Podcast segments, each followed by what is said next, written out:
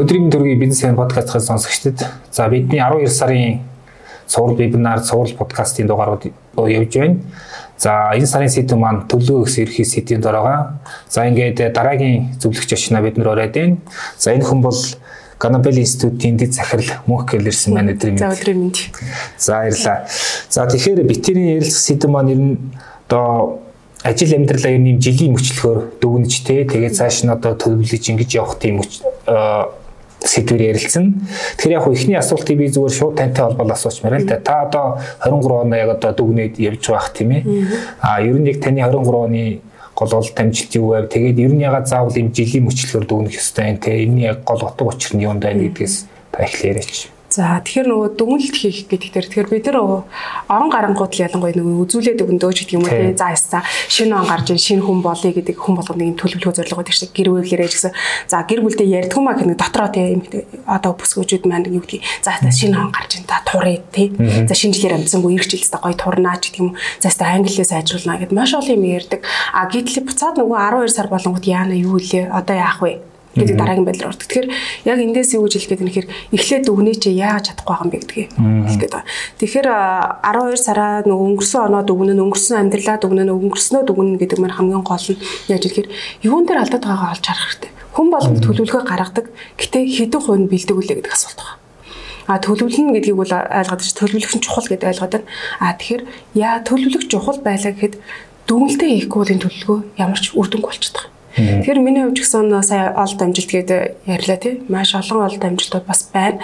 За энэ хугацаанд бол ерөөхдөө бас баг хамтаа ална илүү удирдах чиглүүлэх талаар нь илүү гар бие оролцож ажилласан байна. За тэгээд энэ дээд зэрэг гэдэг албан тушаалыг аваад одоо 2 жил болж байна. Өмнөх эхний жил бол ерөнхийдөө юу бэ гэхээр суралцах маягаар явжсан бол энэ жил болохоор өнгөрсөн жилийн хугацаанд бол илүү нөгөө удирдах албан тушаал гэдэг талаас нь явсан.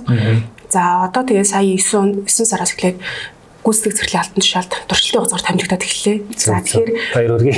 За баярлалаа. Тэгэхээр энэ хугацаанд болохоор яаж юм гэхээр ерөөсөө л өөрөө өөртөө дүгнэлтийг амжилт гаргаа явж байгаа. Тэгэхээр өмнө нь болохоор ингээд суралцаад явж исэн бол одоо би цаашаа яаж хөгжих вэ? Тэг би юуд дуу байна. За тэгээд манай байгууллагч жил болгон 360 хийдэг Тэгээ 360 градусын судалгаан дээрээс ингээл өнгөрсөн жилээ хараад за би юун дээр алдаад байсан бэ? Юун дээр оноод байна гэдэг шиг. Тэгэхээр нөгөө наазахын л одоо удирдахч хүн одоо тэгээ хувь хүн өөрөө өөрийгөө 360 градусын судалгаа хийгээд миний давуу тал юу юм миний сул тал юу гэдэг өөртөө дүнэлт хийчээд тэгээ цаашаа ахих боломжоо олж харж байгаа гэсэн. Тэгэхгүй болохоор яаж юм гэхээр аа тэгнь би одоо тэгээ карьер хий. Одоо тэг байгууллага дээр очивол ингээл нөө зорилго тодорхойлуулдаг шүү. Одоо бид төлөвлөгөө гаргалаа тий 20 жилийн дараа хаана маягаар аа компани захирал болсон байна 10 жилийн дараа гэхээр а ийм болно. А 5 жилийн дараа би өөрөө гэсэн хувийн компанитай болно ч гэдэг юм нэг ингээд тавиад идэг. А гэхдээ яг тэрэнд хүрэхэд юу юу сад болоод хүн болгон дотор нэг тийм бодол байдаг. Тэнгүү тэр бодлоо яагаад биелүүлж чадахгүй юм бэ гэдэг юм байна. Тэгэхээр энэ дээр манай хичээлийн гол зорилго нь болохоор ерөөсөө миний хичээлийн төлөвлөх нь чухлаа. А гэхдээ амжилтаа төлөвлөхийн тулд та дүгнээ чи эргээд явсан мөрөөнийг хараач ял гэдэг санааг өгөх гээд байгаа. Та түрүү 360 ингээд эргэж харна гэлээ энийг жаахан тодруулж яриа л тийм. Аа 360-ын судалгаа гэдэг маань ер нь бол хамгийн энгийн нисвоч шинжилгээ гэдэг чинь хүмүүс тийм өөрийнхөө давуу сул талыг хийдэг тийм. За тэгээ давуу талаа ашиглавал би ирээдүйд ямар боломжинд хүртгийг хүртгийг за сул талаасгүй би ирээдүйд ямар аюул төрөх юм гэдэг энэ судалгаа. А энийг хийхдээ наазах нь эхлээд хүн өөр дээр ээж хэрэгтэй. А хоёрдугаарт нь болохоор өөрийгөө маш сайн тодорхойлж чаддаг гурван хүнээр бичүүлж хэрэгтэй гэсэн. Тэгээ ингээ гараад ирэнгүү тэр судалгаан дээр өгдөгөр за мөнгөрл гэдэг хүний давуу тал нь энэ юм байна. Би өөрөө бичиж байгаа шүү дээ. Мөнгөрл одоо давуу тал нь энэ. За тэнгууд нөгөө хүмүүс маань одоо манай ажлын нэг хүн хэлжсэн. Яг ажил дээр ингээд энгийн үед ярихаар мөнгөрлөө чиний эхний үг сүүлийн үг хоёрыг сонсоод байна. Дундхыг нь ойлгохгүй л тийм. Яа тэгэхээр амар хурд ярьдаг гинэ. Аа тэнгууд чи яг хичээл заахаараа өөр юм байна. Хамаагүй ярьд юм байна. Заримдаа чи нэг надад ингээд ойлгуулахын тулд нэг жоохон хурдаа хасаач гэдэг юм санал. Тэгэхээр нөгөө минийс а давуу тал нь хурдан байсан. А эсрэгээр нөгөөдгөө сул тал болчиход байгаа байхгүй. Тэгэхээр нөгөө одоо би өдөртөг шөнийн үед нөгөө хүмүүстэй ойлгуулах нь аягүй чухалхаас биш би тэг инг гэд өөрөө өгөөд нөгөө юм ойлгохгүй үлдчихээр дараа нь миний өгсөн үүрэг даалгавар биелэхгүй болчиход байгаа. Тэгэхээр энэ алдааг яадсах вэ гэхээр би одоо хурдан хасах хэрэгтэй болж. Зарим үед хурдан үнэхээр хасах хэрэгтэй байдаг. Тэгэхээр энэ би хурдан надад нийц гэхээс илүү би өөрөө өөрийнхөө хурдыг хасах хэрэгтэй болж. Тэгвэл би одоо тухайн хүндээ зориулаад яах вэ гэхээр нөгөө хүнийхээ хурдан тохируулаад ярьж үр даалгавраа тодорхой давтамжтай өгөх хэрэгтэй болж байгаа. Нэг удаа хурдан яриад өнгөрөх биш давтамжтайгаар юуг нь ойлгохгүй нь юуг нь ойлгосон бэ гэдэг дээр нь ажиллах хэрэгтэй болж байгаа. Тэгэхээр энэ мэтлэнгээр ингээд одоо нөгөө SWOT шинжилгээ хийж, өдөртөгчийн ур чадрын 300 градусын судалгаа хийж, за маш олон төрлийн бас судалгаанууд байгаа. Энэ судалгаануудыг хийгээд За мөхөрл энэ нь болж ийн энэ нь болохгүй. Миний би бол өөрөө хурдан гэдгийг маш давуу тал гэж хардаг байхгүй. Ер нь бол одоо бизнесээ байгуулахад бүр ингэж хүний нөөц нь хайхтад гэдэг хурдтай хүн аавна гэж хайдаг болчих. А гэтэл энэ заримдаа хитрхээр сул тал болчихдог. Тэгвэл энэ яг SWOT шинжилгээ хийх одоо энэ 360 градусын судалгаа хийхээр өөрөө өөргөө дүгнээд миний хурд одоо давуу тал биш болчихжээ. Энэ эсрэгээрээ зарим үед сул тал болоод байгаа юм. Тэгвэл би энийг хойшлуулах хэрэгтэй юм гэж харна гэсэн үг. Тэгэхээр би энийг яг хөхөр өөрөө өөртөө дүгнэлт хийхэд бол би эргээд явсан мөрө харгал хэрэгтэй. Тэгэхээр энэ арга барилыг юм уу ер нь та ингээд өөртөө мөрдөд нь хэр удаж чинь тий? Аа. Ер нь бол одоо яг энэ судалгааг бол яг сүүлийн 3 жил бол тасралтгүй байж байгаа. Тэгэл нэг өөрчлөл өөрчлөл яваалаа. А өмнө нь бол яг төлөвлөгөө байла за нэг тэгчимсэн ингэчимсэн гэдэг нэг бодол байла. Тэрэндээ өөрхийн төлөө тэмүүлэл явдаг байсан. Ер нь бол хамгийн анхныхаа ажил дээр бол би бэ? Би 5 жил ажиллана, 5 жил ажиллахдаа би ер нь бол хийж болох хаана хүрэх ёстой тэр хүртэл нь яваад үзье гэдэг бодолтой тэр ажилдаа анхаарч байсан. Аа тэгээд тэрэндээ хүрсэн гэж бодож. Аа гэтэл одоо эргээд харахад өөрөө бол 5 жилийн дараа ажилласаа гарахдаа би хүрч чадлаа гэж бодож гарсан. Аа эргээд харахад би ахаач хийх боломж байсан юм байна гэж бодож. Тэгэхээр миний нөгөө нэг юу гэж хэлэх гээд ирэхээр хаа хүртэл явах нь тодорхой биш байсан. Зүгээр л би тултал нэгээд үзэл гэж бодсноос ш тултал нь хийн гэдэг нь ямар утгатай юм бэ гэдэг тодорхойлоогүй. Тэгээ тэгэхээр нөгөө төлөвлөгөө гаргахтаа ерөнхийдөө гаргацдаг хүмүүс байна. А найрамжуулж гаргадаг хүмүүс байна. Гэтэ найрамжуулж гаргаснаа хүрч чадахгүй юу? Яахан алдаг гэдгийг харахын тулд дүгнэлт хэрэгтэй. Тэгэхээр бид нар хамгийн дөрөнд нэг хийх ёстой юм дүгнэх ёстой. Та тэгэхээр сая ярьлаа л ингээ нөгөө нэг ингээ яг зүгээр тотал хийгээд үзийгээ явсан. Тэгт яг нэг яах гэдгийг нэг сайн мэдэхгүйсэн гэдэг. Тэгэхээр бас олон хүн дээр ажилладаг юу гэхээр ингээд нэг зорилгоо сайн ойлгоогүй мөртлөө ингээд баахан төлөвлөгөө гаргадаг тий. Аа тэр зорилгоо бас яаж тодорхойлох гэж бас нэг асуулт байх гэдэг байхгүй тий. Тэн дээр та ер нь яг юу гэж бодож байна? Тэгэхээр нөгөө судалгаа энэ яг миний зорилго тий. Энэ энэ рүү би хүрэх хэрэгтэй гэдгийг яаж ойлгох мэдрэх Тэгээ ер нь хийх явцад л мэддэг. Тэр Forbes сэтгүүлийн хийсэн судалгаа гэдэг 100000 гаруй ахмадууд тэр хийдэг. Тэр судалгааны үр дүн нь юу гарсан бэ гэхээр 100000 ахмадууд асуусан ба та өнгөрсөн аж аргалтай амьдарч чадсан уу гэдэг. Өнгөрсөндөө харамсдаггүй. Гэтэл 90% нь би харамсдгаа гэж хариулсан байна. А гэтэл тэр 90% нь хамрагдж байгаа тэр 9000 ахмад яг бүгдээрээ зориггүй амьдарсан үгүй бас үгүй бүгдээрээ л сайн сайхан амьдарч байгаас нэг тийм төрч юмсан, ийм төрч юмсан гэдэг бодол байна. Манай Ганабел институт хүртэл бид нар 1000 гаруй ахмадуудаас яг судалгааг авсан. Тэгтэл яаж ихээр бас л яг хувь баг 95% нь би ерөөсөл харамсдаг. За тэгээд юун дээр харамсаад байгаа Монгол ахмадуудыг хараад үзэхээр юу гэж юм гэхээр үр хөвгтдээ юм үлдээж чадсангүй дээ, хүүхдэд зөв хүмүүжүүлж чадсангүй дээ. Илүү их юм надад хийх боломж байсан юм байна. Ер нь тэгэхээр гол харамсал нь ер нь ингээ Forbes сэтгүүлийн тэр харамслыг бүр 25 харамсал байдаг. За Ganabel институт бол ингээ мэдээж харамслуудыг гаргаад ингээ давхцлыг харж хаад ерөөсөө л яасан бэхээр би хий дими цаг өнгөрөөж буруу юмны төлөө маш их явсан байна. Хий диминд маш их цаг хугацаа зориулсан. Яг гэхдээ би зориггүй байсан үг л үгүй. Бүгд л зоригтой тодорхой хэмжээний сайхан амьдрч юмсан, юмд хүрч юмсан, хүүхдүүдээ нэг ихтэй сургуульд оруулах юмсан, тий? Яа тэгээд нэг сайн ажилдаа болгочих юмсан. А гэхдээ нөгөө сайн ажил гэж яг юу юм? Нөгөө ихтэй сургуульд оруулж хамсан гингүүтээ хаа хамаагүй юун ч хамаагүй нэг сургуульд оруулчихдаг нөгөөдгөө хүүхэд нь ороод хайчдаг ч гэдэг юм уу тий шал дэмий төлбөрийн гар золдог ингээд л нөгөө ар араасаа харамслууд нэмэгддэг иш хүүхдээс олсон бол араас. За ийм татамж байдаг учраас юу гэж хэлэх гээд ирэхээр энэ харамслыг эргээд харахад бий болохгүй тулд юу өөр өөртөө л ажиллаад. Тэгэхэд төлөвлөгөө гарганаа. Ер нь бол одоо ийм үг бодож төлөвлөх бол чухал. А гэхдээ амжилттай төлөвлөх нь хамгийн чухал.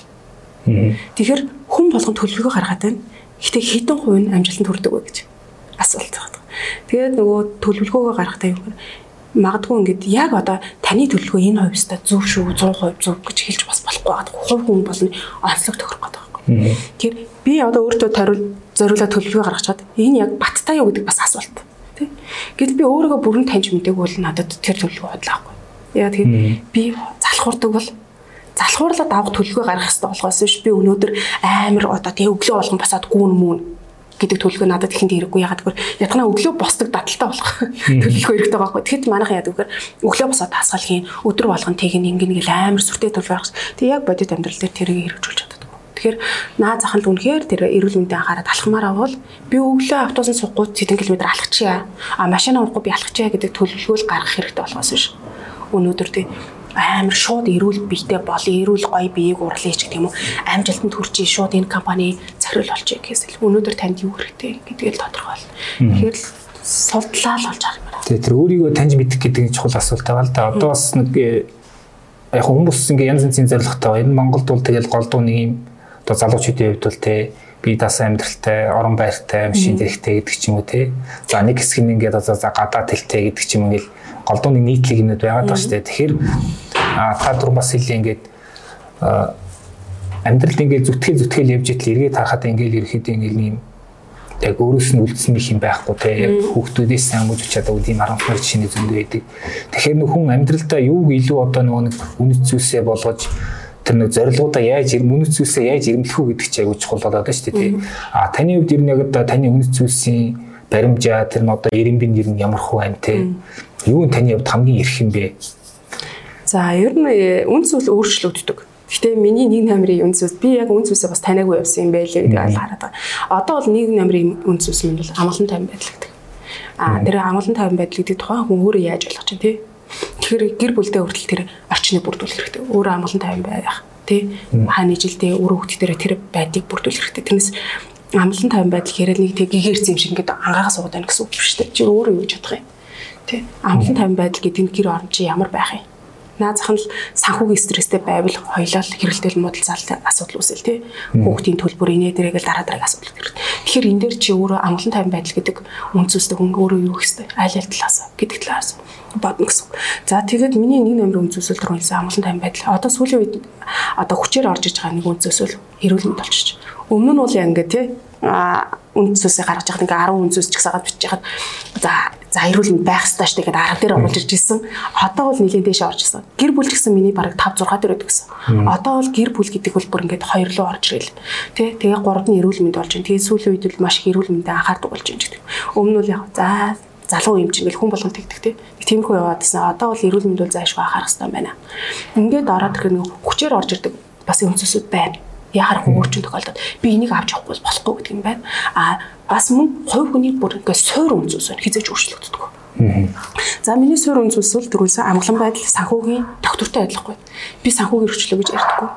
Доктортой адил. Тийм учраас би яг гэр зүгээр л хамгийн энгийндээ те а өдөр тутмынхаа орлого зарлага дээр тооцоол хийгээд за цалин буухад би өнөөдөр хэдийг хааш нь яаж өгөх вэ? Тэ хэдийн яг уу ийх бүх юм тооцоол та. Би өнөөдөр надад мөнгө хэрэг болж болно. Хүн энэ чинь тэгээ амьдрал баян шүү мөнгө хэрэг болно. Гэхдээ би өнөөдөр өөрийнхөө цалингаас давсан, өөрийнхөө орлогоос давсан хэмжээний ч юм уу тий өөрийгөө хүндрэлд оруулах хэмжээний аппликейшны зээл мэл авдаггүй байхгүй. Би өнөөдөр өнөөдөр мөнгө хэрэгтэй байсан ч гэсэн би энийг яаж зохицуулж болох вэ? Яаж зөв удирдахуул гэж бодгоос биш. Өнөөдөр надад энэ гутал гоё ярагдаад байна. За яадаг нүуд авчи. Тийм байдаггүй. Тэгэхээр тэр бүргээ тооцдог гэсэн. Тэгэхээр миний үнэн гүнзээс бол нөгөө санхүү юм байна. Тэгэхээр санхүүгийн доктортой адил шүү. Тэгэхээр би нөгөө эрсдэл докторгүй хүн. Энэ мэдлэнгээр нөгөө эхлээд өөрөө өөртөө үн зүйлс буюу амьдралдаа баримтлагдаг зарчмуудаа гаргачмаар. А тэгээд хүчээр оруулж ирэх өөрийнхөө анхаарах хэвээр үн зүйлсүүдийг нэмээд оруулж. Тэгээд тэрийг дотор нь эренбэлж.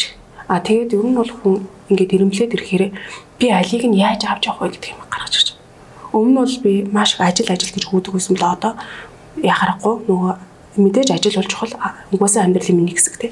Гэхдээ бас тодорхой хэмжээнд гэр бүлдээ цаг зарцуулах юм нэгэд баланслж эхэлж байгаа. Ингэнгүүт нөгөө гэр бүл гэдэг үнцөөсөө урагшин татаж оруулж ирээд би гэр бүлдээ өдрийнхөө цагаас хэдийг гаргаж ирнэ гэдгийг харж байна гэсэн үг.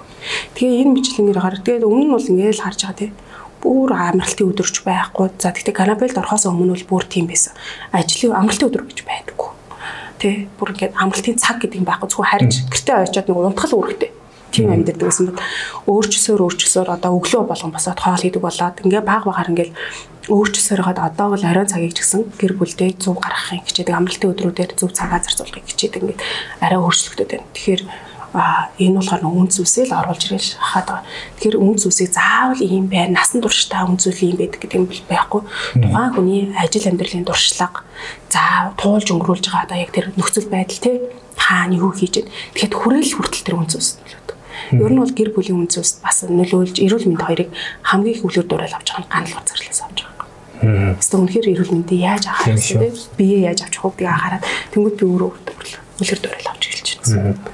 Одоо яг нөгөө нэг бид нар зорилго төлөвлөгөөгээд айгу гой гой юмнууд тавьж болно те. Гэхдээ ингээд одоо хитрхи яарад тийм одоо бидний сэтгэлийн нэг онцлог байна л та. Тэгээд нэг амьсгаагаар ингээд нөгөө нэг тэрэндээ хүрэх гэж зүтгээр угаасаа боломжгүй те. Тэгэнгүүт болохгүй болохоор тэгээд урам нуграал унтарчдаг те. А гэтэл нөгөө нэг дадал зуршил гэж одоо нэг айхтар том механизм байгаа шүү дээ хүчтэй механизм төр ч одоо юу гэдэг үйл явц процесс те. Яг тэр нэг дадлуудыг хөвшүүлж чадвал атом habit гэдэг ном дээр ч гэсэн гардаг те. Тэр дадал дадлын хүчийг яаж ашиглах вэ гэдэг чинь айгу нарийн учиртай болчиход байгаа. Тэгэхээр таны хувьд юу нэг танд ингээл үргэлж одоо тус бол гэхдээ ингээл одоо тэр чинь жижиг жижигээр цуглаал нэг том үр дүнд хүрэж байгаа шүү дээ дадлууд. Тэгэхээр таны дадлууд юу ямар их байна? Таны хамгийн сайн дадлууд юу вэ? Тийм зурч сайн зуршлууд. За тэгэхээр э, ер нь бол дадал гэхээр миний хувьд бол нэг тийм бүр айхтар одоо онцгойрсон дадал юм. Одоо эхлээд овоо эрт басаа сурчлаа сүүлийн үед. А тэгээ өглөө болгон заавал хоол идэх гэр бүлэр энийг бол бүр дадлах за өглөө яаж ярьсан бол өглөө босоод одоо гэр бүлтэй заавал хоол иж энэ бол заавал хийдэг. Өмнө нь үл босоо цацаа тэ цайтай унттай гардаг байсан бол одоо ингээд өөрчлөлт эхэлж байна. Тэгэхээр нөгөө эрүүл мэнд гэр бүл хоёр чинь энэ дээр хамт явдаг байхгүй. За гих хэмжлэнгээр за тэгээд ер нь бол бас суралцж байна. Тасралтгүй суралцдаг процесс шилжлээ.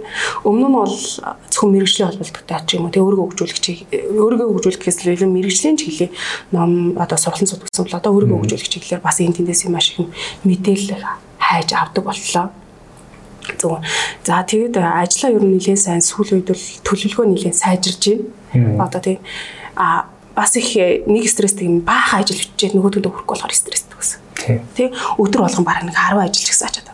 Тэгээд тэр нь бас стресстэй эсрэгээрээ надад дарамт үсгээд харна яг өөрийгөө таниад ирсэн чи яасан гэхээр би айгу тийм чухал ажлууд дээр төвлөрсөн сургалтай. Яг энийг энэ 7 хоногт хийцэн байхад би сэтгэл хангамжтай байна гэдэг нь ерөнхийдөө баг бас муухай бүдүүн тамиртай мэдлээд байгаа байхгүй. Одоо хүмүүс чинь илүү нарийнчлалтай болж байгаа. Би эсрэгээр нь бараг 7 хоногтой өдөр өдөртөө ч гэдэм те. За нэг өдөр би энэ энэ чухал ажлуудыг хийцэн байх хэрэгтэй. Хоёр дахьад энийг хийцэн байх хэрэгтэй. Гурав дахьад энийг аа энийг л хийцэн байх юм бол зарим нэг ажлыг бол мэдээ амж болно гэд ингээд нэг гаргаж чаддаг. Тэгэхээр тэр иймэрхүү дадлууд суугаад ингээд төлөвлөгөөгөө үрдэл зүү гаргаад ирэхээр одоо тий тэр чинь 7 оны төлөвлөгөө гарч байгаа шүү дээ. Ингээд төлөвлөгөөгөө зүү гаргаад ирэхээр стресс сэтгэл санааны явж гисэн ятгана амралтын өдөр 50 амарчиж байгаа байхгүй. Яана тэрийг амжаагүй шүү. Яана ингэсэн бол шүн духтай хүртэл манайхан боддог ус. Өнөөдрөөсөө тэрийг амжуулах гэсэн чинь амцсангүй. Маргаас ч бол. Тэгээ нөө шүн шүн жин нөгөө ажиллаа зүудлээ 50 унтаж чадахгүй. Өглөө босоод стресс нөгөө дутуу нойртой авсан хүмүүс яах вэ? Нөө шүн жин ингээ ажиллаа зүудэлсэн хүн чинь 5 унтцсан Тэгэл ажил дээр ирэл яана гэр орно тэрийг ийгээгүй нэг ийгээгүй гэл нэг ажил дээр амьдралаа бодоод амьдрал дээр ажиллаа одоо ингээд яваад идэг бол тэрийгээ салгахын тулд яг үхээр ятгнаал гол жавхал тий яг чийсэн хийцэн байх хэвээр нөгөө зорилгын төлөөх нөгөө төлөвлөгөөнд тусгагсан гол ажлуудаа л хийчихье. Зарим нэг ажлыг бол шаардлагатай бол хойш тавьчих болно шүү дээ. Гэтэ юу хойш тавих юу хойш тавихгүй гэдэг юм а ялгаж салгах хэрэгтэй. байна Тэгвэл бүгдийг хойшин тавиад тэгэл аваараа л явж штэ тий. Тийм учраас бас энэ бол нэг дадал болж хуурайд байна. Одоо ингэж яг уу хүмүүсийн сургалтын хэрэгцээ бол маш их хэд янз янзын курс одоо коуч юу гэдгийг ер нь ингээд сургалтын жижиг том системүүд албан бус тий янз янзын юм зөндөлөө л да.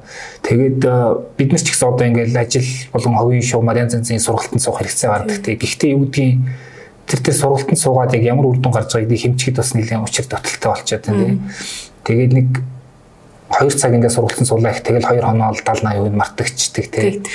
Тэгэхээр ер нь яг ийм сургалтанд суулаа чим ер нь нэг тийм ямар нэгэн шинэ ур чадвар мэдлийг эзэмшиж чаавал тэр сонссон үтсэн харснаа ер нь яг яаж үр дүнгийн гарах вэ гэдэг дээр та бас ямар арга барилтай. Тэгэхээр нөгөө хүн хүний онцлоггүй. Миний хувьд шүү дээ би сурсан бол яг тэр доор нь хийх Яг тэр доор нь одоо бүр багаас усан юм баггүй.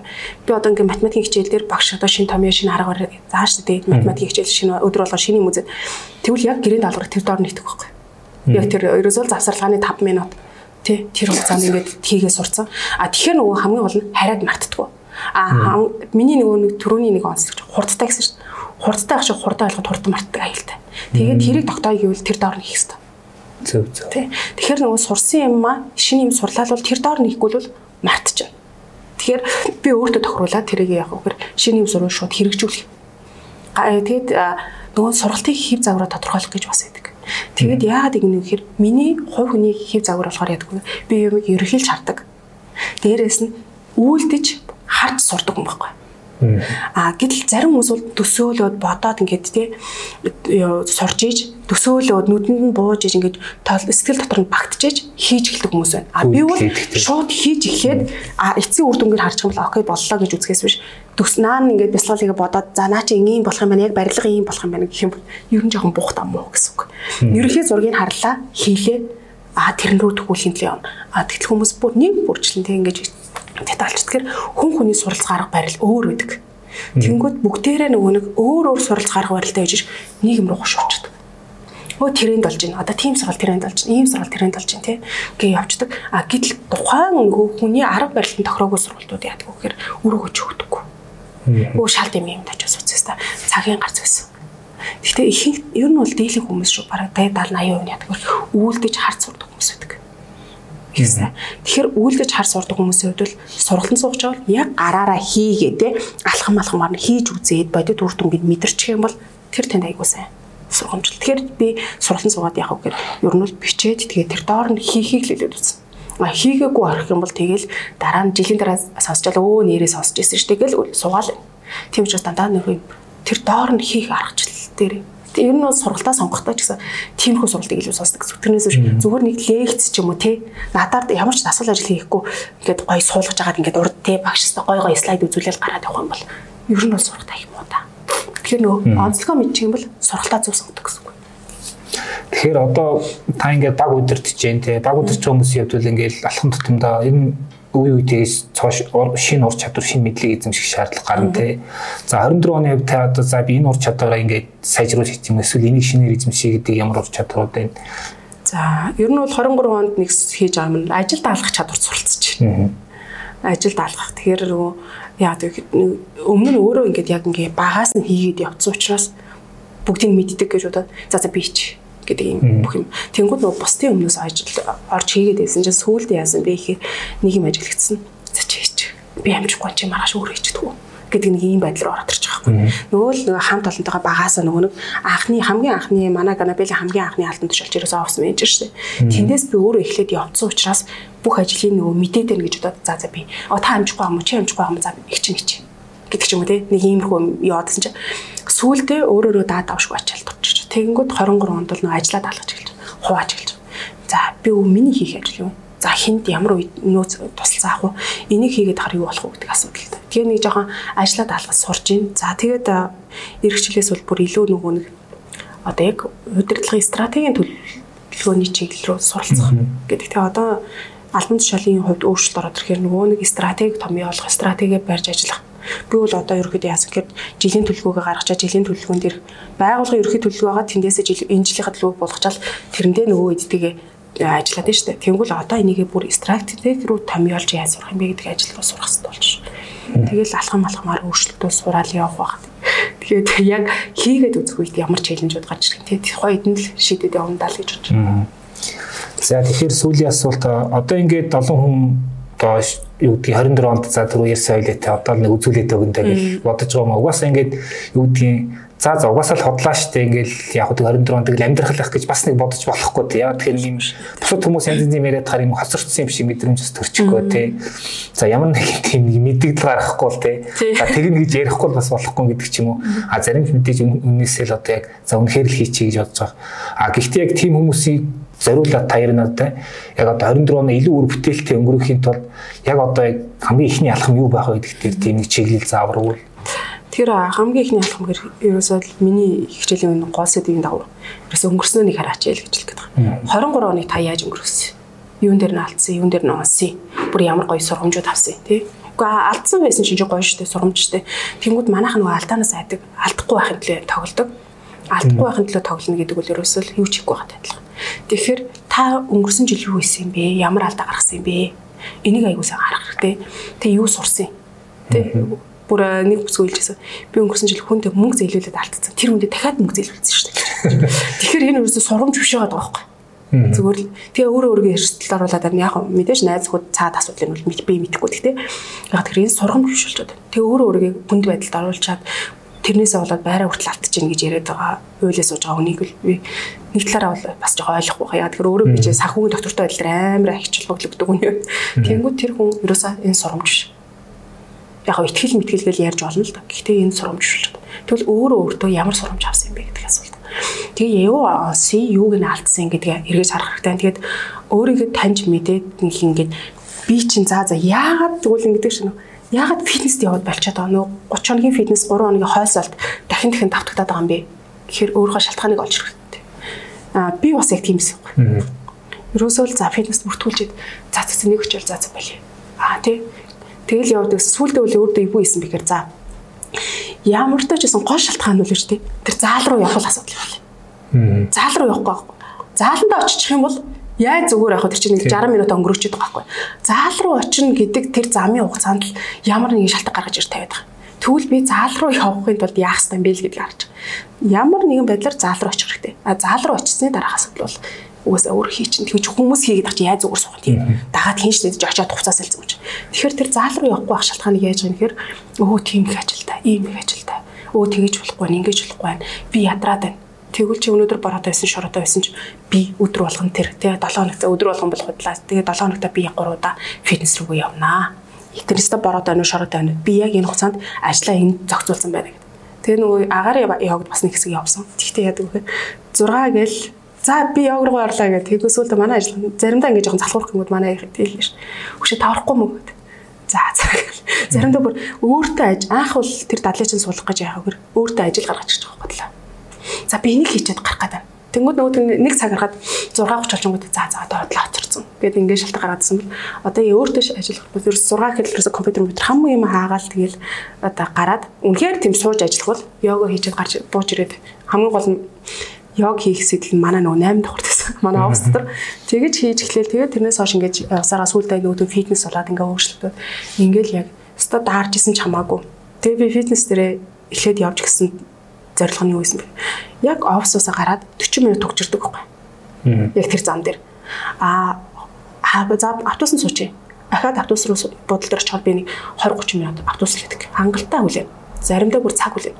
Тийм учраас энэ төгжрлийн хугацааг яаж хэрэглэхүүгээр 40 минут машинтайгаа үүдэн офс үүдэн дээр зогсох уу автобусын бодлоор 40 минут зогсох уу гэхээр 40 минут офс заалны зааландаа байж яа гэд тэгээд хамгийн ажилтайгаа ойрхон фитнес сонгоод тэгээд тэр рүүгээ тэр 40 минутын хугацааг зааланд өнгөрөөдөг болчихж байгаа. Тэгээд л ингээд нэг нэгээр ингэж яваа. Тэгээд цагаа тооцсон чинь би ерөөсөө яг гэртээ фитнестэй орчоод харих шууд ажилласаа гараад харих тий 6 цагт гараад харих хоёр дээр ерөөсөө 15-аас 20 минутын зөрөх гарч идэг би бол тэнд зааланд нэг цаг болчиход байгаа байхгүй 60 минут.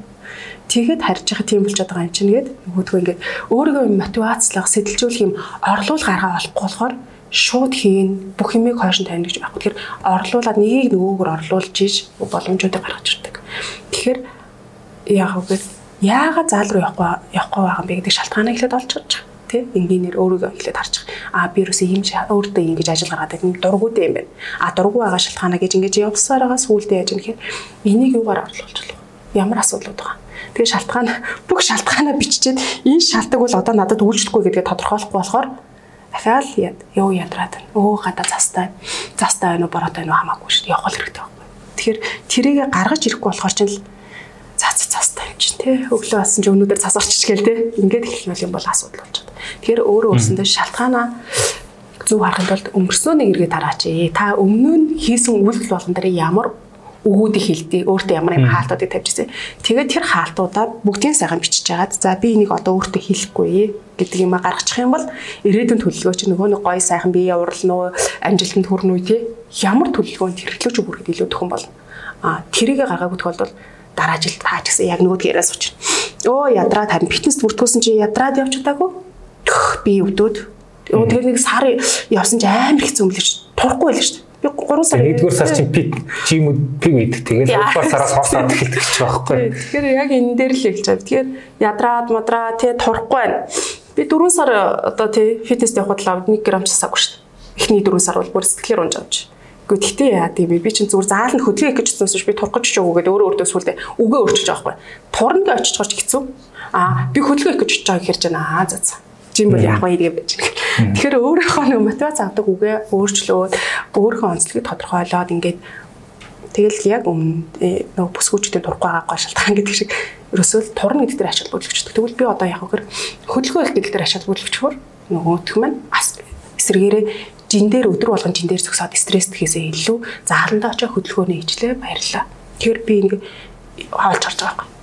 Турна гэдэг бол миний стресс юм байна.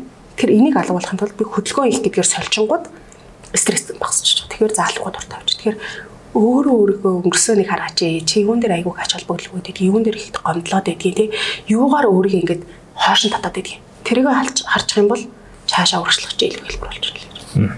За баярлалаа. За бас би а өөр бас нэг одоо үг хэлнэ нэгдэх юм тий. Одоо бас зүгээр бодлоо хэлэхэд яг ингээд одоо хүний амьдрал чинь нэг миний анзаарснаар орчин үеийн нэг юм тийм хоёр чухал зүйл байгаад байгаа шиг одоо тий. Нэг нь одоо тасралтгүй сурж явах, одоо ямар нэгэн шинэ мэдлэг ур чадвар эзэмшиж явах. Хоёрт нь одоо эрүүл амьдралын юм аягтай байх гэдэг тийм хоёр чухал юм байгаа дээ. Тэгээд хүмүүс ингээд одоо жилийн ихэнд том том төлөв гаргаад ихэнх нь үрж чаддгүй.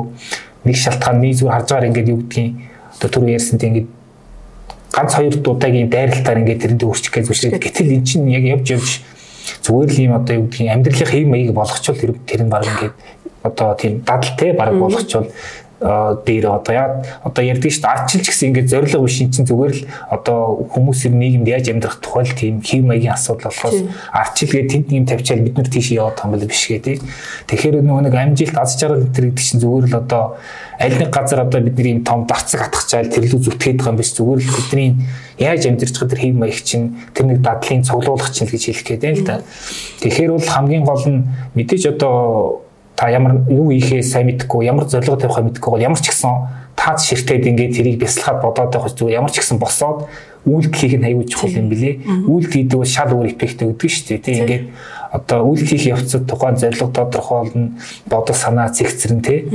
Тэгэхээр ямар ч гэсэн певтэй байхгүй ямар ч гэсэн босоод ямар нэг үйлдэл хийх хэрэгтэй шүү л гэж хэлэх гээд байна. Тэгээд танд бас баярлалаа. Өөрийнхөө ажил амьдралыг сайжруулдаг арга туршлагаасаа хуваалцсанд. За баярлалаа. Тэгэхээр ерөөсөө ахаад нэг хэлээд төлөвлөх нь бол чухал. Гэхдээ зөв төлөвлөх нь чухал учраас зөв төлөвлөх гэдэг юм дээрээ анхаараач ээ. Тэгэхээр мэдээж одоо тий өнгөрснөө дүгнчих юм бол зөв төлөвлөгөө чинь гарч ирнэ. Тэрнээс сайхан хийм мөрөдөл бичээд явал хин ч гэсэн мөрөдөл бичиж штэ тий. Тийм учраас зөв төлөвлөөрэй. Тэгэхээр өөрөө өөрийгөө л таньчих гэж хэлэх гэдэг. За подкастын дугаараа ингээд өндөрлөе. Танд баярлалаа. Маяг зочноор Гранбал институтын дэд захирал Мөнх гэрэл орслоо. За тэгээд Мөнх гэр зөвлөхийн одоо яг энэ сэдвээр хийсэн вебинарыг үзээгүүл одоо бизнесмен дижитал харганы вебсайтаас үзэж болно шүү. Ингээд танд амжилт хүсье. Таны 24 онд амжилт хүсье. За баярлалаа. Тэгэхээр үзэгчтэй ч гэсэн бас амжилт хүсье. Тэгээд төлөвлөгөөнд хувь хүнийхээ төлөвлөгөөнд бас сайн суралцаарай л гэж хэлье да.